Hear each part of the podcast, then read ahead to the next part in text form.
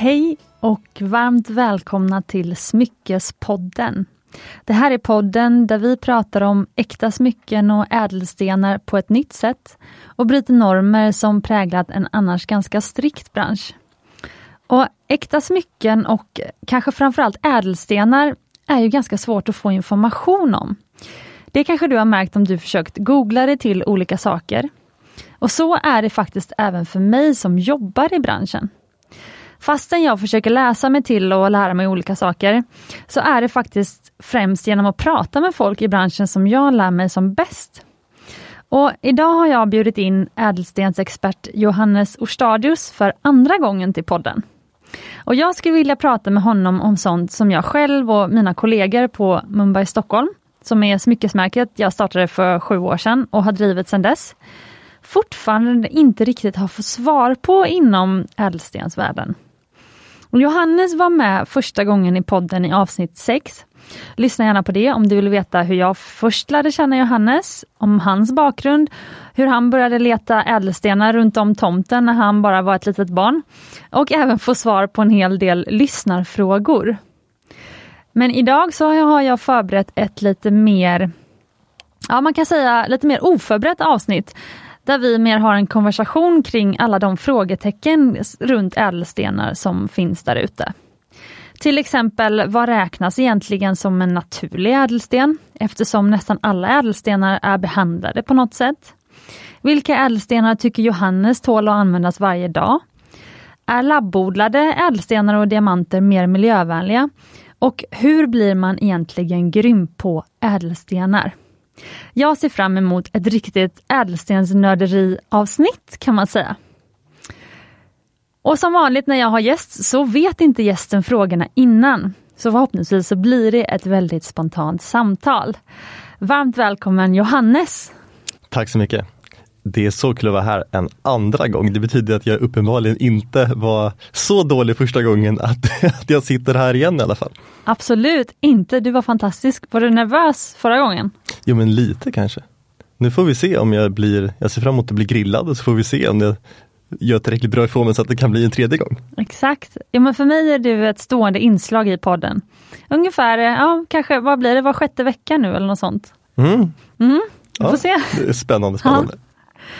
Men jag skulle vilja börja prata lite grann om ditt yrkesliv. Det är ju alltid kul att börja med personliga eh, saker. Så jag skulle vilja veta, hur hittar du gruvor att jobba med? Kanske en av hemligheterna med ditt jobb? Mm. Det jättebra fråga som vanligt. Det kommer nog vara, jag kommer nog säga så några gånger i det här avsnittet. Eh, det, det är ungefär det är svårt att förklara och jag skulle gissa på att det är lite som i, i andra branscher. Men hur, hur, man hittar, hur man hittar sina, sina källor, sina bästa källor. Det, det är sällan det finns en färdig roadmap för det.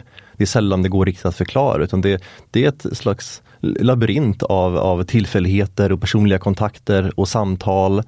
Och ju mer man är ute i, ju fler resor man gör, desto mer män, ju fler människor man, man pratar med, desto, desto oftare kommer man i kontakt och i samtal vidrör möjligheter och, och sådär. Det, jag tror inte att det går att, går att hitta specifikt svar på det, utan det är snarare att när man, när man har en, en intressant diskussion med någon i branschen och kanske ute på någon, på någon resa och så plötsligt bör, kommer det in någon, någon annan och säger hej eller man, man kommer in på någonting annat i samtalet och det slutar med att ja, men här är faktiskt en person som, som har som har en, en tillgång på en viss grej som, som vi kanske råkar ha en, några kunder som är supertaggade på och sen har man, leder det ut i världens bästa samarbete.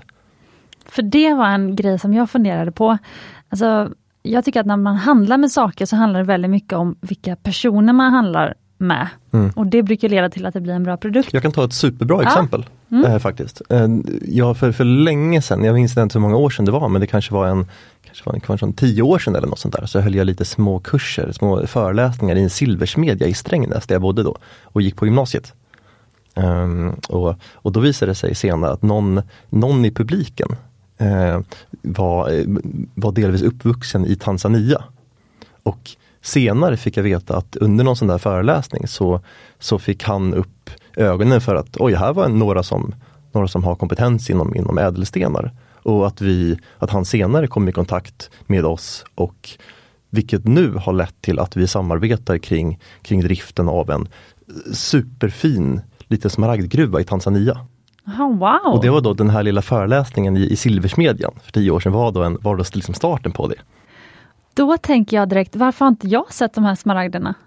Eh, det kan vi lösa i framtiden. Det kanske kan eh, framtida Instagram-bild eller liknande. Eller one of a kind Jag tror faktiskt att du, du har det. Eh, för några år sedan, det, det kommer från i närheten av Lake Manyara i Tanzania. Jag tror att jag för länge sedan, ett antal år sedan, visade dig några små 2 mm runda briljantslipade jättevackra små mint, mintsmaragder. Som man skulle... Oj, det var dem! Mm, exakt. Ja, de sålde slut och det var en sån här one of a kind sten som bara gick med en gång. Mm. Okej, men jag har inte sett dem sedan dess. Har du... Nej, det, det har varit lite, det är, Tanzania har varit lite eh, till och från i hur lätt det är att, men hur, hur lätt det är att bedriva gruvdrift och sådär. Och, och det finns nu ett, eh, nu har vi ett prospekteringstillstånd på den där gruvan. Men, men det har inte varit, vissa år så har det inte gått att få, alltså de myndigheterna som ger licenser och sådär har inte varit så mycket på bollen. Eh, så det är, lite, det är lite till och från hur mycket, hur mycket det går att vara aktiva där och gräva. Och sen är det också en till, alltså smaragder hittas i små fickor, i små pockets i berget. Och även om man gräver, det har hänt att de har grävt i, i ett halvår och utan att hitta någon enda liten sån där ficka med smaragder. Och då är det bara, då får man gräva och så får man stå ut med att man inte hittar någonting och då lyckligtvis så, så, så har vi då möjlighet att, att betala eh, löner och liknande ändå. Men, men det, det är ett riskfyllt arbete och det är en av de absolut mest spännande sakerna med, med LTS-branschen och brytningen. Att det man blir väldigt glad när man hittar någonting men alla är medvetna om att det inte alltid man gör det. Men finns det då andra sten, man tänker att ni har prospekteringstillstånd på den här gruvan och man bara hittar i vissa pockets. Mm. Finns det då andra stenar som ni hittar någon annanstans i gruvan som man ändå liksom kan få användning av materialet man bryter? Eller, eller? Eh, det, ja, det finns andra men de hittas i samma pockets. Mm -hmm. Ofta. Så det inte, hittar man i pocket och det, och det där är, alltså, de har grävt då i, den här gruvan var, var tidigare ett, ett större företag. På 70-talet så var det ett företag som hade 200 ungefär eh, arbetare där. Och sen har också staten drivit i några år innan de tyckte att det var inte värt det. Eh, så, men nu är det väldigt småskaligt. Och nu är det kopplat till, kopplat till en by som ligger alldeles i närheten. Så det är liksom en lite invävt i lokalsamhället där. Eh, men men de, de är, i och med att de har varit med länge och eh, han som har drivit det där väldigt länge, tyvärr så gick han bort för fyra, fem veckor sedan. Eh, så nu är det hans son som, som är som sköter hela. Men, men han hade då varit med och grävt. Han var en äldre man, han hade varit med och grävt på, det här, på den här platsen. Sen det var ett stort företag på 70-talet då. Så han visste liksom var de här olika smaragdådrorna och sånt gick. Så även om man inte kanske även om de inte är eh, mycket, även om de inte är högt utbildade inom geologi så, så hade de känslan och hade erfarenheten för just den där platsen, var smaragderna kunde finnas.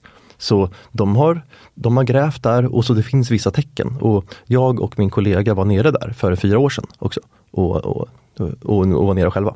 Och, och det, de hade en väldigt finkänslig känsla för hur, var de här smaragderna finns. Det är alltså ett ganska mjukt berg. Men sen ibland så kommer man till, man hackar och inser att oj, här var det mycket hårdare. Och då är det alltså en, en väldigt hård bergart som finns precis, som liksom nästan, nästan lite metaforiskt gömmer den här skatten då av smaragd. Så det är först ganska mjuk bergart som går ganska lätt att hacka i. Ganska liksom, det, det, det kallas glimmer i, i stenvärlden, men det är ganska liksom flak, flikigt material som är ganska mjukt berg. Så när man hackar det här och sen kommer det till mycket hårdare, tätare berg. Och då, det tyder på att fickan kan finnas i närheten lite innanför gömd där.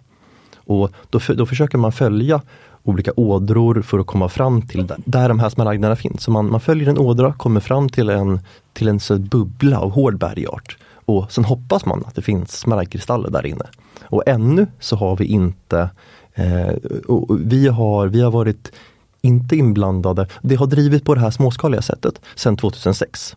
Eh, delvis, eller stor del tack vare den här, den här killen som delvis är uppvuxen i Tanzania men som har bott i Strängnäs då, där jag, där jag växte upp själv. Eh, vi har inte varit inblandade hela vägen tillbaka till 2006 men vi har haft äran att vara inblandade i några år i alla fall. Eh, och det, det och sen dess, alltså jag tror att vi har inte hittat någon riktig ficka, någon större ficka eh, sen under de åren vi har varit inblandade. Så det har alltså gått en fyra år, fyra, fem år utan att vi hittat någon större ficka utan det har varit små, små fynd än så länge. Så vi håller tummarna. För det här, nu får jag bara säga först att vi har en liten eh, vovve i studion, en liten hund och om hon skäller, vi försöker klippa bort om hon skäller. Eh, men eh, då är det hennes eh, uppfostring, det är jag som är hennes hundmamma, då har inte den riktigt lyckats. Men snart kanske. Um, men okej, okay, det här är jätteintressant. Um, för då tänker jag på en av de, jag tänkte vi ska gå in senare på etiken liksom inom ädelstenar. Uh, och det är ju liksom en väldigt så här het uh, potatis nu, eller vad man ska säga. Um, men det jag tänker på när jag hör det här är ju att ehm, det man säger om att det har varit så eh, men, inte miljövänligt med att bryta naturliga ädelstenar, eller en av kritikerna inom den naturliga ädelstensbranschen eh, eh, är ju att eh, man bryter för mycket berg mot liksom ädelstensgömmorna som man sedan hittar. Men att det har blivit bättre, så man har liksom blivit bättre på att veta men var i berget liksom är ädelstensgömmorna, så man inte behöver bryta så mycket berg för att hitta ädelstenarna.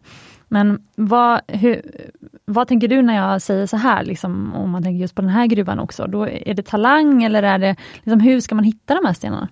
Mm. Um, det här är väldigt tätt hur stor yta man bryter på och hur väl, vilken miljöpåverkan det har, är väldigt tätt kopplat till om det är storskalig eller småskalig brytning. Och Det här går tillbaka till en stor alltså, den, Jag kan börja med att säga när vi kommer in i hela sourcing delen av diskussionen med, med, med miljöpåverkan och liksom hur eh, förhållanden både miljömässiga och sociala så, så är det värt att börja med att säga att den verklighet som jag möter stämmer inte riktigt, det matchar inte riktigt med bilden jag möter i samhället. Men det är eh, intressant. Mm, utan det möter i samhället är ganska, ganska färgat av specialfall där det har varit uppenbara, eh, uppenbara brister. Alltså ganska illa och det, det, rapporteras både om, till exempel så finns det ett ställe i ett område i, i Madagaskar, i, i, centrala Madagaskar, där man har, eh, där man har brutit fina safirer. Men där man har, där man har, där en del regnskog som har varit väldigt vacker och skyddad har, har, har förstörts. Eh, och sen har det också funnits fall till exempel när man bryter småskaliga diamanter i en, en, ett ställe i Zimbabwe där det har varit eh, där det inte har varit bra alls utan regeringen har gått in och gjort en hel del saker, korruptions, korruptionslänkade saker och det till och med har eh, regeringen har försökt få kontroll över fyndigheter själva. Och det är vissa sådana här platser där, och då har det även gjorts, alltså eh, Kimberley-processen har sett till att det inte Eh, att det inte kommer ut, ja, de har eh, ställt vissa krav på det där och sett till att det har blivit bättre. Eh, men överlag så är det sådana här saker som, som färgar väldigt mångas bild. Men det, jag tror att tyvärr så finns det sådana, eh, tyvärr så finns det väldigt negativa fall i de flesta branscher. Och det här är saker som folk verkligen försöker jobba med nu. Och det finns absolut eh, det finns absolut fall där, där man verkligen behöver, eh, som, som inte är bra alls. Varken miljömässigt och ibland socialt. Men den verklighet som jag möter är, jag ser inte det här, eller det, det, det jag ser när jag är ute på resor stämmer väldigt sällan överens med det här. Nästan aldrig. Utan mycket, mycket oftare i, i praktiskt taget alltid. Så det man möter är, eh, är lokalsamhällen, småsamhällen där små fyndigheter eh, bryts väldigt lokalt. Ofta av, en, i, i en, av eh, lantbrukare i närliggande by och att det man möter är, är nästan alltid att lokalsamhället är väldigt stolta över sin lilla fyndighet av stenar i närheten och faktiskt far, får, en, får en hel del ut av det själva. Men kan du inte berätta om när du har varit på en sån resa? Du reser ju ändå en hel del, eller mm. gjorde i alla fall innan nu, mm. de här speciella tiderna. Har du någon resa så som du vill dela med dig av? Ja men absolut. Eh, jag kan, jag kan börja med den här i eh, men den här Tanzania-resan då, när vi också besökte den här lilla smaragdgruvan. Då i 2016 var det, i, augusti-september. Eh, och, där, och det är intressant eftersom det finns i Tanzania just, de har, de har kommit lite halvvägs på vägen mot att formalisera den här brytningen. Så innan jag går in på specifiken i resan ska jag bara dra lite, dra lite jätteövergripande snabbt om hur, om hur liksom utvecklingen ser ut generellt med gruvbrytning av färgstenar i branschen. Eh, och det vi, jag var inne och snuddade lite grann på storskalig versus småskalig brytning. Småskalig brukar, brukar kallas ASM eller Artisanal Small Scale Mining. Och det, om man jämför diamanter och färgstenar, så är diamanter, där bryts eh, där bryts 80% minst bryts storskaligt i, i stora gruvor, eh, mekaniserat av större företag. Det låter som, förlåt, men jag vill bara dra en parallell till typ matbranschen, alltså skillnaden mellan så här delikatessbutiker och liksom sådana småskaliga leverantörer av honung och sånt jämfört med liksom stora matvarubutiker. Mm. Ja, absolut, det, det är en bra jämförelse. Eh, och, i, och då de här större diamantgruvorna, det har, att ha en stor gruva har både för och nackdelar. Ehm, fördelar är att när man har en stor brytning, man har eh, pengarna rullar och det, det, det, är inkomster hela tiden. Man behöver, det är inte riktigt samma det här med att man kanske hittar någonting ibland utan i en stor gruva så har man en stor verksamhet och det, det finns alltid ett flöde. Och det är mycket lättare att organisera. Och det gör också att i stora diamantgruvor, där är det då större företag som har eh, ja, men som arbetar mer enligt helt formaliserade anställningsavtal och liksom har, har en väldigt organiserad brytning. Men det har också kanske det krävs att de är noggrannare med bland annat miljöpåverkan för att då är det ofta stora dagbrott i diamanter till exempel. Eh, och där är företagen, för de stora företagen idag är väldigt, väldigt noggranna. De har väldigt höga krav på sig och är väldigt noggranna. Men det krävs att de är väldigt noggranna för det är stora, det är stora ytor och det är stor påverkan som eh, om man inte om man inte är, liksom, har, har regler eller har riktlinjer att reparera miljön efteråt så blir det en väldigt stor påverkan för det är ofta stora dagbrott. Och jag vet att de stora företagen nu, eh, de, har, de, de gör sitt jobb och fyller igen gruvorna och så efteråt. Vem kontrollerar det här? Eh, det, det är staterna och myndigheterna i de länderna. Eh, till exempel i, i jag vet att eh, The Beers håller på att lägga ner en gruva i Kanada just nu. Och då är det en flera år lång nedläggningsprocess där de återställer miljön. Så, men som sagt, när det är stora gruvor, storskalig brytning, så det fördelarna är att det är lättare att organisera och det är lättare att göra den typen av stora företag och en, den typen av verksamhet som vi i väst är, är, är vana med. Så Det är stora företag som på ett sätt som vi är, är vana vid. Eh, medan, och det negativa då är att man, det krävs att de är väldigt noggranna med miljön. Eh, i de, och så ungefär 20 procent uppskattar man, 10-20 procent av diamantbrytningen är småskalig. I färgstenar däremot, där är det precis tvärtom. Där uppskattar man att 80-90 kanske till och med ännu mer, eh, jag tror att Världsbanken uppskattade 80 procent, är småskalig brytning. Och bara 10-20 är, är, är organiserade större företag. Och det gör att man, och när småskalig brytning, det, det, det definierar man då som att det är eh, enstaka personer i lokalsamhällen eller små grupper som bryter utan att ha något större välorganiserad, större firma bakom sig. Då är det inte heller mekaniserat utan det är ofta handverktyg. Och redan där så kan man börja, redan där så skulle man kunna säga att en del av missmatchen mellan hur eh, den, den, den gängse bilden i i liksom samhället ser ut eh, från konsumenters håll och hur verkligheten ser ut. För eftersom man är van, eftersom man är van vid den här typen av storskalig, eh, storskaliga verksamheter och storskaliga företag och det är där man ser i diamanter så är det väldigt lätt att tolka den diffen, att färgstenarna är så annorlunda. Att det är så mycket större del småskaligt. Så är det lätt att tolka och att man därför inte har samma insyn i det. För det är, men det är inte lika lätt att kommunicera med en, med en lantbrukare som under torrsäsongen bryter, eh, bryter lite granat i Tanzania. Som det, är att, som det är att skicka ett mail till De Beers om deras diamantgruva i Kanada. Det är inte lika enkelt att få insyn. Och man tolkar lätt den diffen att det är svårare att få insyn, att det är mycket mer småskaligt och att de inte följer samma, eh, men att, att de inte har samma möjligheter att följa stora, stora regelverk som ett stort företag har. Det tolkar man om man inte riktigt har varit där själv. Som att, som att allting är mycket sämre än i storskalig brytning. Men så är ofta inte fallet. Men det känns som att alltså, allmänheten, alltså man, man förstår det här när man får höra det. Alltså som nu när du säger det, då tänker man ju att eh, ja, det låter absolut relevant. Eh, och så känner man, eller jag känner i alla fall att jag tänker på men som vin till exempel. Alltså det är väldigt många biologiska viner som inte är märkta som biologiska för att det är så småskaligt och man har inte råd att få den här stämpeln mm. och sånt.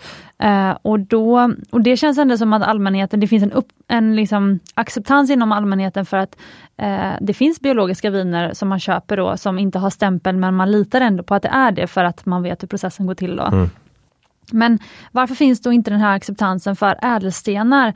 Alltså för eh, vi upplever ju eh, till exempel i showroomet när vi tar emot kunder. Det är liksom ganska, även då har de ju kommit till oss och de vet att vi jobbar med naturliga ädelstenar till exempel.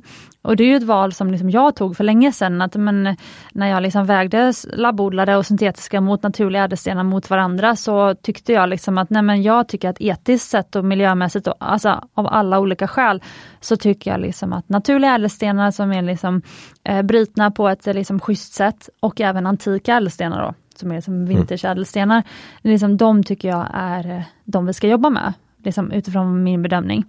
Mm, men så och det vet ju våra följare och de som, ja, kunder som kommer till showroomet. Men ändå får vi ofta sitta och eh, liksom svara på frågor som är liksom så här, jaha men hur vet jag att det här inte är en blodsdiamant? Mm. Och då har de sett filmen Blood Diamond. Mm, och så, och så liksom, ja men finns det några certifikat på den här stenen nu och finns det det? Alltså, och det är ganska svårt att sitta som oss som liksom blir lite, vi säljer ju det här, så det är liksom man, alltså vi kan ju göra vårt bästa men vi är inte en oberoende eh, liksom, så, mm. eh, kanal. Så.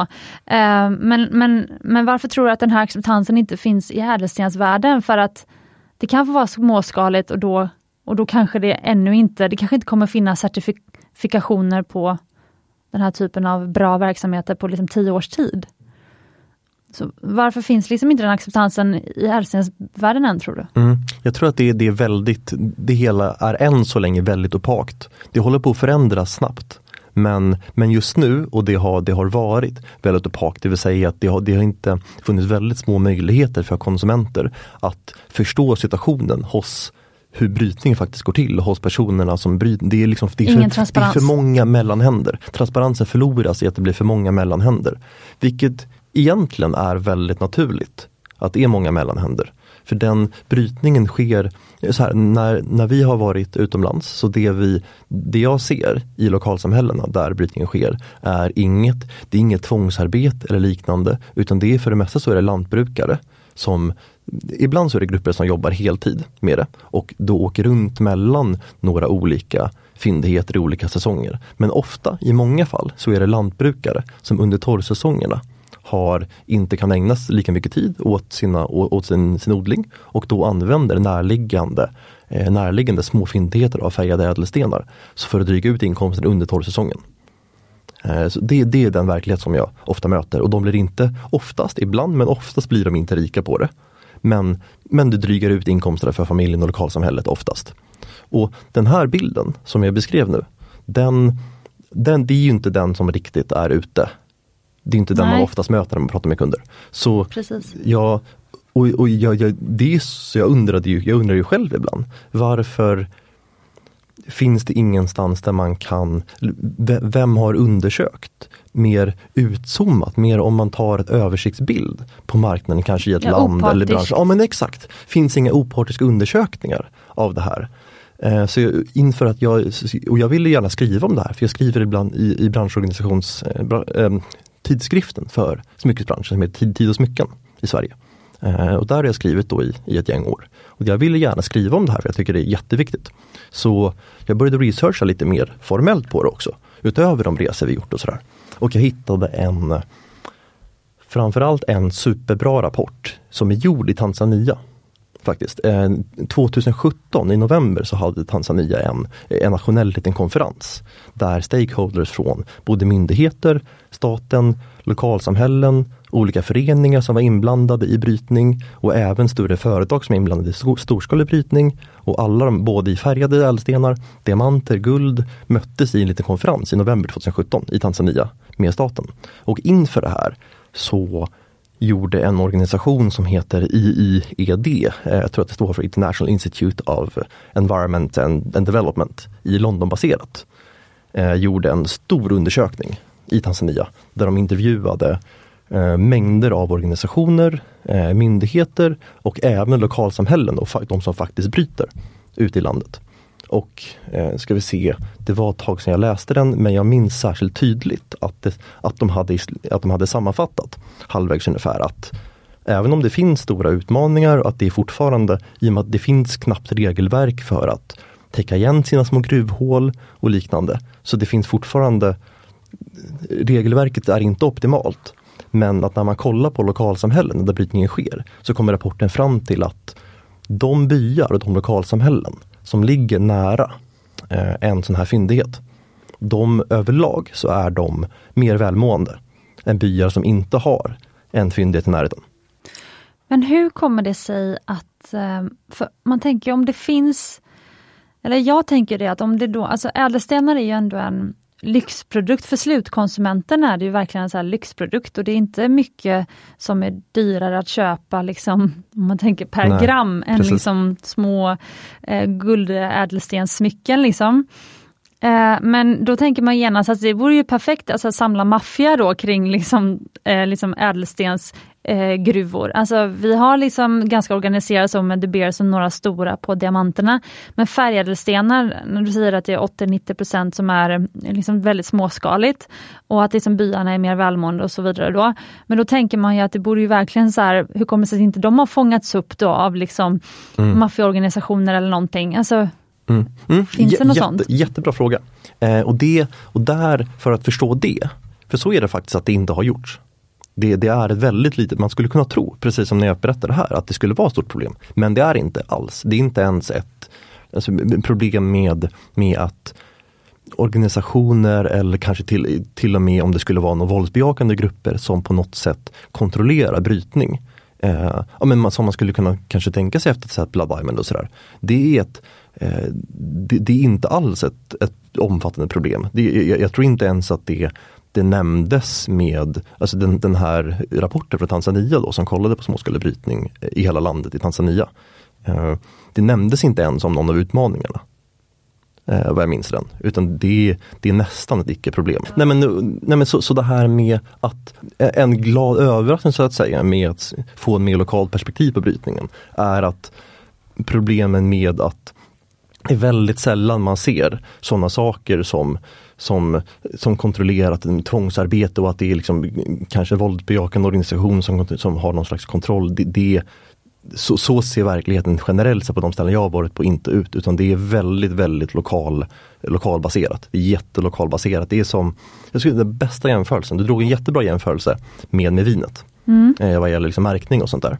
Men den bästa jämförelsen tror jag med hur brytningen känns på ett lokalt plan när man är på plats. Det är, eh, det är grundläggande hushållsjordbruk. Mm. Det är lokalt jordbruk som drivs i, i byar för att folk ska överleva och för, för att liksom försörja sig själva. Det för byarna där, där brytningen bedrivs så känns de här små fyndigheterna ofta lite på samma inte helt, för det är såklart det finns andra risker och det finns också större förtjänst om man lyckas träffa på eh, en bra med stenar. Men, men generellt sett så känns det lite grann för byarna som, som om det hade varit deras jordbruksfält. Det är, liksom, det, det är ungefär på det är ungefär på den lokal och då förstår man ju att det inte är särskilt hög transparens. För att det, det, är så många steg från att liksom byn tycker att det är deras lokal lilla angelägenhet men liksom de har ett litet hål som där de går och gräver lite granater i, och nu i de här röda ädelstenarna då. Um, som det ofta är. Och ute på landsbygden, det kan också vara olika beryller, men, men granater är ganska vanligt just i Tanzania. Att man bryter ut i lokalsamhällena. Och att ha då liksom med de här små, små fyndigheterna där man har lite hål eller någon flod där man hittar lite granater. Det känns på, det känns inte så annorlunda för dem än att ha sina jordbruksfält. Och sen är det med de mellanhänder som kommer och går mellan byarna och köper upp det de kanske producerar under torrsäsongen. Eh, för det till närmaste handelscentrum, vilket i Tanzania är en stad som heter Arusha. Och där säljs det vidare. Och det är så pass ofta fler mellanhänder också. Det är kanske någon mellanhänd som går mellan byarna till närmaste stad, därifrån kanske någon annan som tar det till Arusha. Därifrån säljs det ofta antingen till Jaipur i Indien eller till Bangkok i Thailand. Och därifrån så blandas det med andra råstenar, för de kommer från andra ställen. Och det är på vägen där någonstans så har, så har liksom historien gått förlorad, tyvärr. Men det är också för anledningen till att ädelstenar liksom blir något av en sån här lyxprodukt är ju i mina öron också då för att det är just så många led, alltså och varje led ska ha sin profit om man säger. Mm, så, så liksom varje, och det är till slut när det nått oss, det är då, liksom, då har det varit liksom många led och liksom många steg och det ska genom behandlingar och det ska slipas och så vidare. Um, sen det jag funderar på också är um, de här gruvorna, det är väl om det är småskaligt, det är väl småskaligt för att det är ganska små fyndigheter och de tar ju slut. Mm, alltså, man kan ju inte hålla på så länge i en det gruva. Ofta, det är ofta små fickor i berget. Så då är det kanske lite mer så här, tur för en by då, om man hittar en sån fyndighet så kan man leva på det i några år kanske, men sen så är den borta då. Mm, absolut, precis. Så är, så är ofta fallet. Vi var i ett, om vi skiftar till, eh, till Nigeria, så, så, så, kan jag berätta en om vi, jag och min kollega besökte Nigeria i 2018, februari. Eh, för, för, att, ja, för, för, för, att undersöka morganitmarknaden framförallt. Och, ja, men, och, och, och vara på plats där vi, när, vi kunde, när vi köpte in morganit för att se att allt går bra till och liknande. Och, och där, där fick vi några exempel därifrån tror jag ger en sista liten bit av förståelse med det här varför är en lyxvara, mm. som du sa. När liksom, var, varför, hur kan det ses som lite så här, inte riktigt men lite så här, lokala jordbrukshållet av dem på plats. Men var en sån enskild liten lyxvars, lyxvara eh, grej. Varje liten ädelsten här, här i väst. Jag är så spänd på svaret. Mm. Mm. Svaret är att av det, av mängden ädelstenar som man hittar på ett fält i Tanzania eller Nigeria eller någon annanstans Eh, här kan jag, jag, kan bara slänga in att det, det, är inte så att det bryts just där för att man inte vill bryta det på andra ställen. Utan det är faktiskt av en slump så råkar östra Afrika och delvis västra Afrika vara eh, väldigt rikt i, ädelstensförande bergart. Det finns faktiskt inte så jättemycket. I, det finns faktiskt nästan inga ädelstenar alls i Europa även om vi hade velat bryta det. Så det, det är också en, en liten myt som man drar. Eh, men ja, så tillbaka till svaret, det var bara en liten liten eh, cliffhanger. Eh, det är att av det som bryts i ett litet fält i något samhälle så är, gissa hur många, hur många procent av det som som blir ädelstenar, som blir en ädelsten som, är, som alltså, sitter i en av era ringar. Alltså procent av kristallen som eh, man Procent bryter. av, av, av liksom antalet karat, av vikten som bryts i det här fältet någonstans lokalt i till exempel Tanzania. Ja, men jag säger 5 procent. Mm, jag skulle vilja säga snarare kanske 0,1 procent. Oj, och vad, blir, vad händer med resten av? Resten är för, för, är för låg kvalitet för att, för att bli en kristallklar ädelsten. Mm. Eh, ofta blir det beads, alltså liksom pärlor i större halsband. Det är ofta de, de ofta så de, det lite lägre kvalitet materialet kommer till, görs till, till cabochoner och beads i Indien, i Jaipur. De flesta, det mesta. Eller som prydnadskristaller? Absolut, mm. ja, snidas till, till olika prydnadsföremål. Absolut, kulor och som pyramider och allt möjligt sånt. För det här var ju, tror det är avsnitt 8 som heter Vad är skillnaden mellan kristaller och ädelstenar? Jättebilligt i en kristallbutik, men i ett smycke liksom när, när den håller ädelstenskvalitet då, liksom, då blir, kan det bli jättedyrt. Och det är så det vad som gör värdet i en, i en sten. Så om man då hittar kanske fem kilo eh, fem kilo kristaller av, av morganit exempelvis. Eh, den här vackra ljusrosa ädelstenen eh, på, i, i, Nigeria till exempel, i sydvästra Nigeria där vi, där vi befann oss. Så jag tror att vi under resan totalt, under två veckor som vi befann oss i Nigeria och, och pratade med människor och åkte runt och kikade på allting själva för att verkligen för att verkligen våra inköpskanaler inte bara skulle vara en, en, en chatt. Utan vi, vi ville ha ansikten på saker och ting. Eh, av, jag tror att vi totalt sett så såg vi vi, vi försökte räkna lite på det i efterhand och det här är säkert ingen, ingen exakt beräkning men, men kanske 300 kilo morganitkristaller eller liknande tror jag att vi såg under de två veckorna. Och totalt sett så hittade vi av tillräcklig kvalitet som var, eh, som var liksom värt att, ja, men slipa till de ädelstenarna som håller en, en, en fin kvalitet. Så var det 4 kilo av 300. Och då är vi redan nere på att det är nästan 1 procent. Strax över 1 procent. Och av det, och det, allting, allt det var inte helt kristallklara bitar utan det var bara bitar som hade potential att bli någon slags ädelsten av någon form och någon storlek. Och efter slipning så ja, jag vet inte, mängden som var kvar av vanligtvis när man, när man slipar, en, även om man har en helt kristallklar bit. Så när man gör de här formerna som gör att ljuset bryts i en ädelsten så är det ungefär 20% 20-25% ibland 30 som, som finns kvar i ädelsten efteråt av råstenen. Men vem i leverantörskedjan tar den här risken? Alltså man tänker då att de eh, bröt 300 kilo mm. morganit. Alltså, vem säljer de 300 kilo morganit till vem? För då tänk, jag tänker på de här byarna då som du mm. drog som exempel i Tanzania. Mm, liksom då, för då säljer de, de säljer liksom de här stora blocken och de vet inte riktigt vad som är ädelstenskvalitet i blocken. Eller, Nej, e, e, exakt. För, för då måste man ju sälja den som tar risken då. Mm. Eh, blir ju nästa led, eller nästnästa mm. led. Exakt, eller? Så, så, ja precis. Så, och det, och det är egentligen inte, det är inte där, det är inte för att det är inte för att varje led tar jättemycket mer betalt och varje led tjänar massa pengar som jordbrukarna eller lokalsamhällena tjänar, får, får liksom relativt vad vi skulle kalla småpengar av det hela. Fast det, som ändå är högre det, än vad deras grannbyar Ja, men exakt, precis. Mm. Eh, så det är inte för att alla tjänar massa pengar på vägen nödvändigtvis, som det blir så. Utan anledningen till varför det ses mycket mer som, ja, men nästan som en typ av liksom jordbruk eller liknande liksom småskalig verksamhet lokalt. Men av oss ses som värsta lyxvaran, varenda liten, varenda liten ministen. Det är, det är just att de får, de säljer ett material som inte är det vi skulle kalla för kvalitativa ädelstenar. De säljer råa. Utan de säljer liksom ett, ett, ett råsten som, som har, där vissa enstaka bitar har potential att bli ädelstenar. Och då den inköparen, den mellanhanden som kommer och köper upp från byn då, eh, liksom köper in allting ofta. Och, och betalar då i hopp om att det ska finnas småbitar i det här.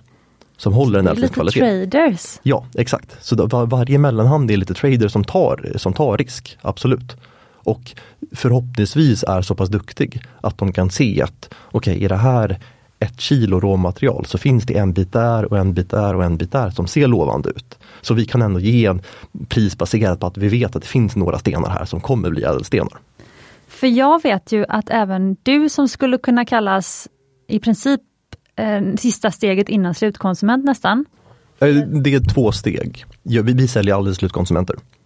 Nej. Utan vi, vi, jobbar bara med företag som, som ni. Ja, steget innan slutkonsument. Ja. Mm. Eh, och för er som inte vet så är ju eh, eh, Johannes är ju ägare och VD för ett företag som heter Ädelstensgruppen och du är ju ädelstenshandlare. Mm. Eh, och föreläsare och så vidare, så du livnar dig på din kunskap också. Ehm, men jag vet ju att du, för du gamblar ju själv. Alltså till och med du som köper liksom färdigslipade ädelstenar, sen slipar ni upp en, eh, stenar också själva. Du kan ju gambla själv på råa stenblock som du köper upp. Men jag vet ju även att du liksom kan i princip chansa på ädelstenar också, för att liksom, när, man väl, när, när man väl kommer, den kanske inte passar att det var en spricka just där, så den ringen passar ändå inte att fatta in den stenen. Eller, alltså det är ju risk nästan hela vägen och till och med för oss. Vi kan ju gå bet i sista steget när vi fattar in en ring som redan är såld mm. till en kund. Eller en sten i en ring som redan är såld. Så att det är ju risk hela vägen till slutet. Det där är någonting som man måste vara, om man inte är villig att ta en risk, om man inte, har, om man inte vill ta en risk att köpa, att inte allt kan bli perfekta ädelstenar, om man inte vill ta den risken, då, då är man då kommer man aldrig komma nära gruvorna. Nej, För att ju precis. närmare gruvorna man kommer, desto högre blir risken. Om man kommer så nära gruvan man kan och handlar i princip direkt med, med, med lokalsamhällena. Eh, kanske via en mellanhand som samlar ihop från några lokalsamhällen så att man får ihop tillräck en tillräcklig mängd. Eh, men då, då, är det, då är risken väldigt hög. För då, då är det ju bara någon procent som ens är tillräckligt i råform för att kunna sen bli ädelstenar. Och Det är svårt att veta, framför allt från bilder om man inte är där själv, så är det svårt att veta om det är för det är lätt hänt att den där 1 procenten, om man har jättetur någon gång så kanske det är 2,5 procent eller, eller högre. Eh, om, det, om man inte har lika tur så kanske det är 0,1 procent istället för 1 procent och då kanske man inte, eh, då kommer man förmodligen gå i förlust på det. Liksom. Men upplever du att det finns många liksom, oärliga personer inom ädelstensbranschen? För det är det jag känner att man ofta liksom får försvara eller liksom den här bilden av Eh, ädelstensbranschen som allmänheten har, om att den är liksom till 90% ondskefull och sen så finns det liksom 10% gott i det. Och sen blir det väldigt vackra stenar men framförallt är det en väldigt ondskefull bransch. Alltså hur, vad, liksom, har, upplever du det? Absolut inte. Absolut inte. Eh, tvärtom, de, de människor som jag möter i branschen på alla led faktiskt är de härligaste personer att jobba med. Jag, jag tänkte på det när du frågade om, om att det kanske skulle finnas någon fråga om, om eh, hur jag liksom ser på mitt arbete och sådär. Och det, även om vi bara är tre stycken i företaget så är det som att jobba med, det är som att sitta på ett på ett, liksom ett, ett, ett, kontor där man har massa småföretag runt omkring sig och käkar lunch med massa andra nya personer varje dag. Det, så, det, det känns fantastiskt att jobba med det här för att det, jag pratar varje dag med så många underbara personer och alla man möter, såväl så, såväl representanter från lokalsamhällena där det bryts, såväl som andra handlare i Sverige och USA och Europa och hela vägen så känns oärlig är ordet som jag allra minst skulle vilja använda. Det, det är tvärtom folk, folk, är, folk är fantastiskt ärliga faktiskt. Och är, är väldigt tydliga med, med, med, vilka risker det finns i form av att liksom, man köper in ett parti och, och så länge man, ibland är det kulturskillnader som gör att ja, men till exempel om i, i Arusha eller i Tanzania när man handlar med råpartier där. Så liksom det, det finns ett sätt att se på handeln som om, om jag skulle komma in till Tanzania oerfaren på att köpa råsten och komma in och förvänta mig att ta noll risk. Att varenda liten sten jag köper kommer bli en perfekt ädelsten. Ja, men då, då skulle det inte kännas ärligt. Men när man, men när man känner, men när man vet hur branschen ser ut och har erfarenhet och kunskapen och kunna, och, och kunna liksom hur leverantörerna ser ut. Då, då, då, då, märker man att det finns ingen, nästan ingen oärlighet. Det är väldigt, väldigt små korn av oärlighet någonstans. Men det, utan det jag möter är en, en, en, en underbar vilja hos folk att inte bara tjäna pengar utan att verkligen folk jag tror aldrig jag har mött en bransch där folk brinner lika mycket för vad de gör. Det är ju fantastiskt. Men jag tycker också det stämmer lite grann överens med världen överlag, för det var också något nu så fint jag läste om att så här, det var någon som tyckte att men det delas ju alltid så himla mycket hemskt i nyheterna. Och om man bara skulle, eh, om den enda litteraturen man läste på liksom en dag eller ett år var nyheter, då skulle man bli deprimerad för att världen är så ondskefull. Men då var det någon som skrev att ja men det finns inte så stort nyhetsvärde i att berätta att ja, men min granne hjälpte mig idag.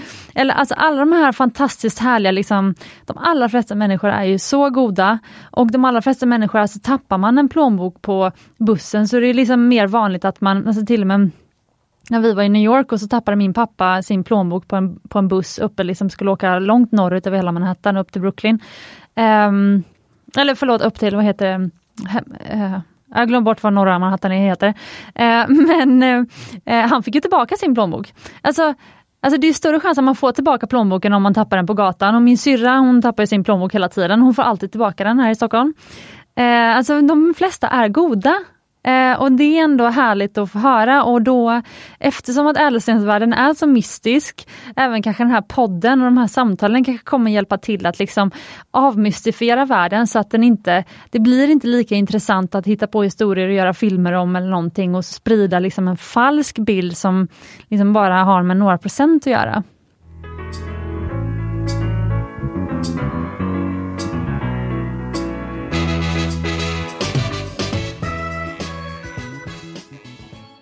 Ja. Eh, men jag tycker att vi eh, lyfter därifrån. Det här var ju väldigt intressant, kändes som min första fråga ledde till hela det här samtalet. Eh, men vad, du är ju med i olika grupper på Facebook med liksom ädelstensnördar och så och experter och det är väl handlare i USA mm. framförallt. Eh, liksom, vad lär du dig där? Oj, eh, fantastiskt mycket. Det bör sägas att det var ju om, om, någon, om någon lyssnare hörde på det förra avsnittet där jag, där jag var med eh, så, så avslöjade jag vad mina liksom mina ursprungliga lilla kunskap började, de små frön av kunskap började komma ifrån. Och det var ju ett, ett internetforum som hette Gemology Online, som var ett amerikanskt nätforum för, för ädelstensvärlden, för gemologer. Eh, och det är ju egentligen det är helt enkelt en, en mycket mer storskalig bransch. Det är lite som New York versus Stockholm. Liksom. Det är alltid lite mer storskaligt. Så det, det är man får, man får en, annan, en annan puls. Det är lättare att, att, att ta pulsen på branschen och se vad som, vad som funkar och inte funkar. Och ja, det, det är väldigt det är stor skillnad i, i, i känslan. Och när, vi, när man får in någonting, när man har kanske gjort en Mm, eh, eh, alltså en del av svaret är faktiskt kopplat till det här med att komma nära gruvorna. Um, svenska branschen är ganska liten. Amerikanska branschen är avsevärt mycket större, inte bara för att det är fler människor utan för att de är lite mer vana vid färgstenar.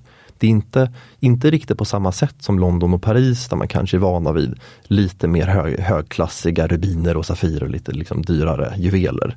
Utan USA där är det liksom mer, mer spritt. Jag minns att vi nämnde tanzanit, att det var liksom det som privatpersoner ibland köper på, på kryssningar som investeringssten. Och så där. I USA så är det mycket vanligare att i små smyckesbutiker hitta lite tanzaniter och lite turmaliner. Kanske inte av världens bästa kvalitet alltid. Ibland är det rätt dålig kvalitet. Men ändå att är, man är lite mer van vid att se det. Så det, färgstenar är lite mer spritt i USA än vad det är i Sverige. Uh, och, och, det, och det finns även betydligt många fler handlare som, som gör stora affärer inom bara färgstenar, precis som det gör i, i, i Tyskland också. Eh, och att vara, och när vi då kommer nära, nära gruvorna och får riktigt bra och få riktigt bra källor och kan vara den här som, som tar mellanhändernas positioner lite grann. Om vi exempelvis tar den här smaragdgruvan Tanzania då, så är det de flesta stenar som bryts där och som kommer därifrån eh, kommer vi inte kunna kommer vi inte kunna sälja i Sverige för att det finns, mm, ja men om inte ni får väldigt många kunder som plötsligt tycker att mint smaragderna är, är fantastiska. Men, det, men, men i realiteten ser det ut som att en del av det här, eh, en stor del av det här kommer vi att, kommer vi att liksom sälja till andra grossister, andra handlare i USA. Men jag har ju också att, eh, eller det jag hör är ju att det har att göra med att Sverige är en liten marknad. Vi är också, alltså om man tänker, ehm, vi svenskar är lite försiktiga med både flashiga smycken ska jag säga, eh, men sen så ännu mer då liksom flashiga, alltså färgglada ädelstenar. Och i USA så har man kanske kommit längre där, att man liksom vågar lite mer och det berättar även alltså Halina, en av mina kollegor som jobbat flera år i USA och sålt smycken där. Alltså de är ju mycket mer extravaganta och kanske vågar mer och vi i Sverige är lite mer tillbakadragna. Men det är också anledningen till att liksom, du ändå har, liksom, att vi har dig som är liksom, expert inom både inom framförallt färgädelstenar men även diamanter. Men i Sverige, det är ju tack vare att du liksom vågade också se, alltså göra din kundgrupp global. Mm. För annars kanske du, om du bara hade valt att sälja i Sverige, så kanske du snart hade blivit en diamanthandlare med några procent färgädelstenar. Ja, exakt. Det var en jättebra observation och så är det faktiskt. Det, det är sant. Mm. Ett problem jag har när jag följer smyckesintresserade online, till exempel på Instagram, det är att man liksom ofta valt två läger. Och det här upplever jag även i, ja, men om man läser, kan man läsa tidningar också. Eh, och senast i morse så såg jag en Instagram-story där någon skrev att man ska välja labbodlad diamant för de är billigare och då slipper man slavhandel. Vad tänker du när du hör om att jag såg den här storyn? Jag tänker att jag har ändå besökt ganska många gruvområden och aldrig sett slavhandel. Men var kommer det här ifrån? Var, var, för det här var då, jag ska säga, eh, den här personen jobbade inte inom smyckesbranschen. Eh, hon hade köpt en, hon var nyligen förlovad verkar det som. Och så hade hennes följare ställt många frågor om ah, ringen och varför valde du en sån och berätta hur du tänkte och så vidare. Men det, det, kanske, det kanske beror lite grann på om man inte om man inte har satt in sig så djupt utan man ser lite branschen utifrån och har liksom sin, sin mallbild med, med större företag och då blir det en mismatch som man man förstår inte riktigt hur den här småskaliga brytningen, det här med att ja, men det, det blir pengar som kommer direkt till lokalsamhällena och bidrar till deras uppehälle och kompletterar jordbruksinkomster och sådär. Man, man kommer liksom aldrig riktigt dit utan man kanske klistrar på en egen en, en bild som man som man kan, när man inte riktigt liksom förstår hur det går till eftersom det inte passar in riktigt i den här stora företagsmallen. Då kanske det är lätt att lägga över eh, an, annan input som man har fått från filmer eller liksom andra små korn. Lätt att liksom lägga det ovanpå och se det istället. Mm. Eh, så mm, jag, jag, vet, jag tror att det, det är nog en, en, en kombination av att det är en typ av kultur, en typ av, typ av verksamhet som är ganska ovan för oss i, i väst. Med, med att man tar de här kornen där det faktiskt har, har skett riktigt negativa saker. Och, och, man, och i och med att det är det man har på nyheterna så är det kanske lätt att klistra på det på en, liksom ovanpå en, ett fält där man själv inte, som är ganska opakt och som man inte har, som man inte har liksom haft möjlighet att, att se hur det faktiskt går till egentligen. För till saken hör, det roliga var att anledningen till att jag såg det var för att hon hade taggat Mumbai Stockholm i storyn. Och då hade hon visat en, eh, en bild på vår morganitring faktiskt, en jättevacker liksom ring. Eh, och så skrev hon att det var en eh, mossanit, eh, för hon hade valt, eh, om det var att hon hade valt en mossanit eller hur det nu var. Eh, men eh, eller om hon hade, om hon hade labbodlade diamanter i vigselring och mossanit i. Jag vet inte riktigt hur det var. Men i alla fall så la, hon, så la hon upp en bild och så skrev hon att det var en mossanit, men det är ju en morganit. Um, men sen så skrev hon också då den här, just det, sen hade hon då en följ, påföljande story om labbodlare och så vidare och hennes åsikter om det. Uh, men um, då använde hon ju, nu vet jag inte vart jag skulle komma med det, nu tappar jag bort mig i, mitt eget, uh, i min egen fråga. Hmm. Men labbodlade versus naturliga och liksom vad du nämnde precis i början när, när du berättade om vad vi skulle prata om, att det kanske, men hela eh, hela liksom dilemmat med att det är två läger som, som försöker kanske ibland överdriva lite om varandra.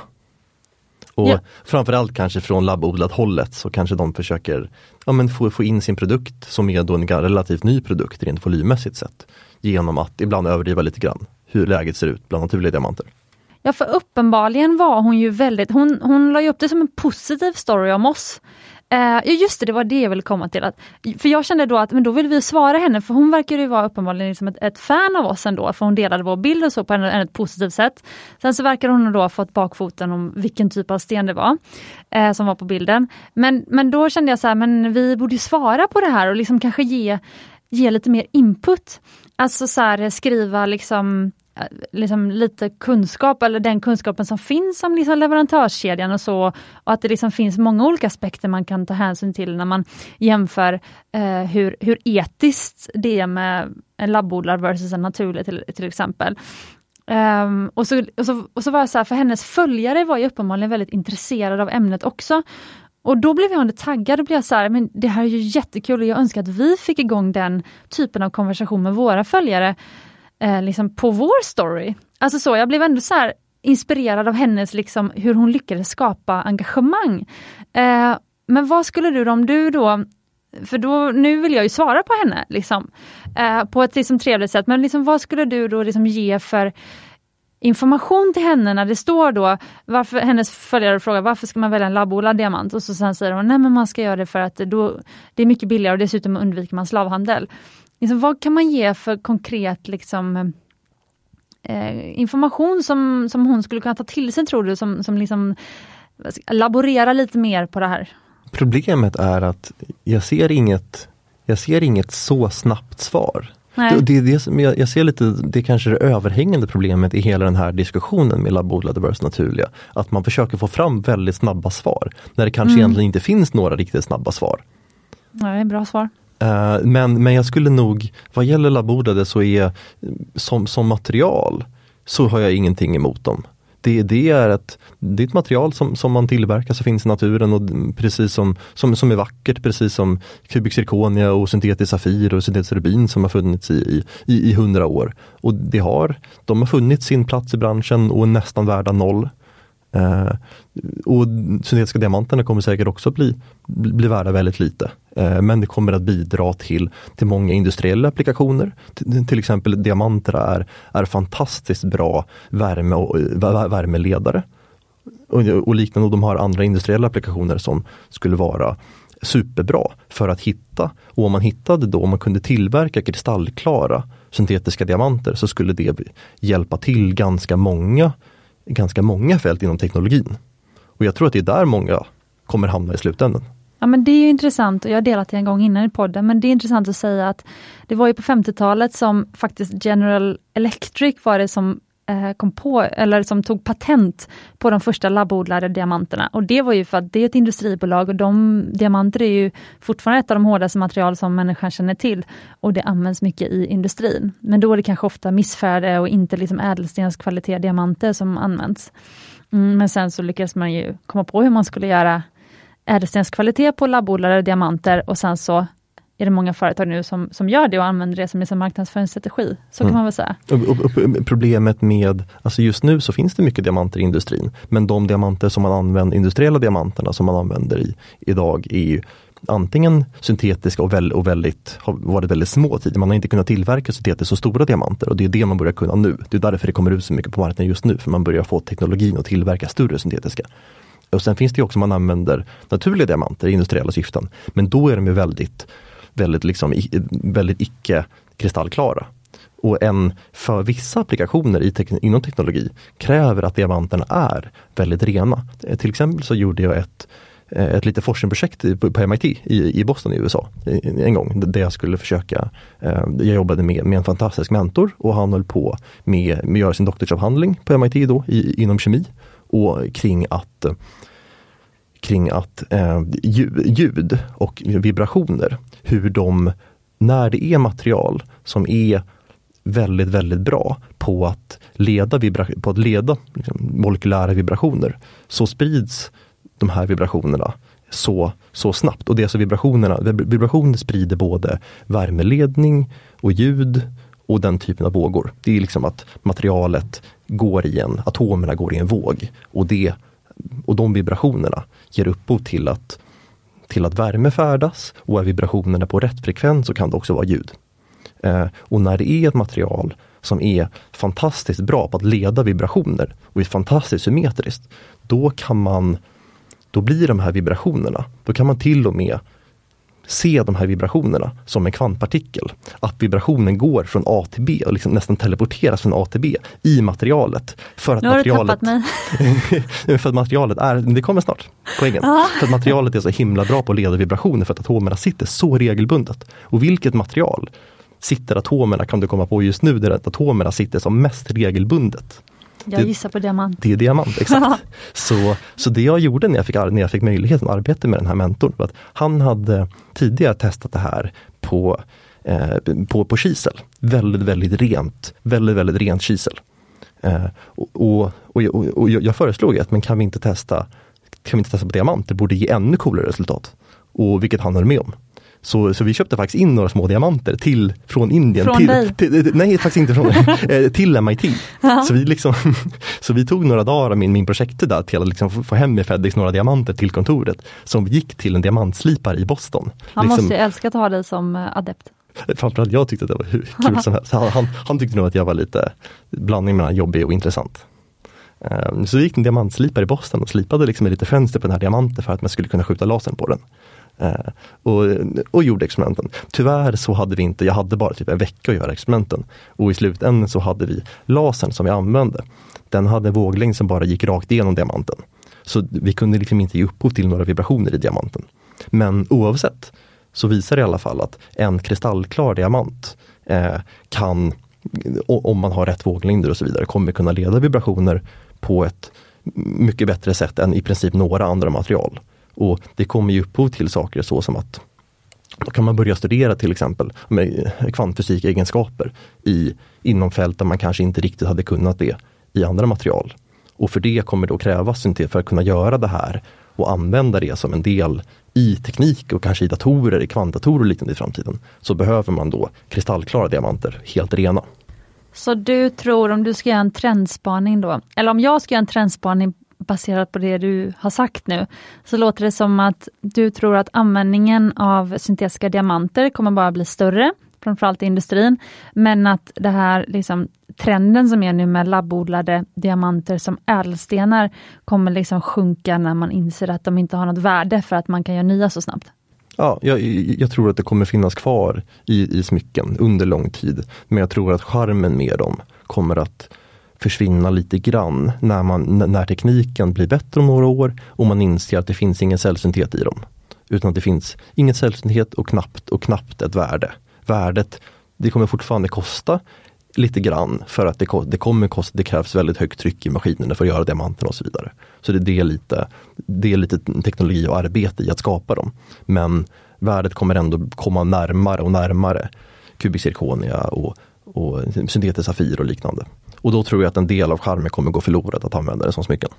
Ja, för det ser man ju redan på, um, jag har ju även berättat om uh, De Beers undermärke The Jewelry Ja men nu har jag såklart glömt bort vad det heter också. Det hette inte någonting med light?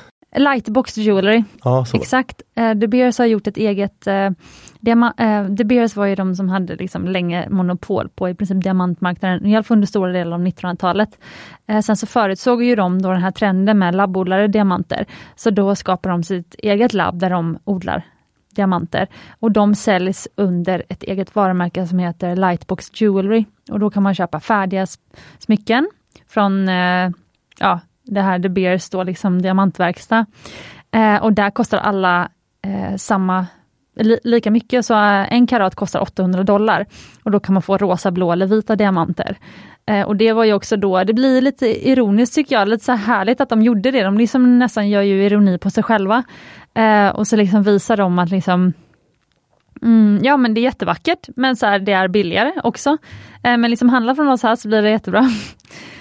Ja, jag tycker det var en rolig grej. Det, det var något av det roligaste som har hänt i branschen på senaste år. Det var folk, alla, alla hade starka reaktioner på det. Vissa, vissa tyckte att det var superroligt, vissa tyckte att det var, vad håller de på med? Och vissa tyckte att det var det smartaste de någonsin sett, vissa tyckte att det var det dummaste de någonsin sett. Och vad tycker du? Jag tycker att det var jättesmart. Mm, jag med. Jag skulle vilja prata lite grann om ädelstenars hållbarhet. Det här blir ett jättelångt och härligt eh, program, men det är ju så roligt när vi har dig här. Och om man som lyssnare känner att eh, men nu har det kanske gått ungefär en timme gissar jag, eh, då kan man ta en paus där och så kan man fortsätta senare.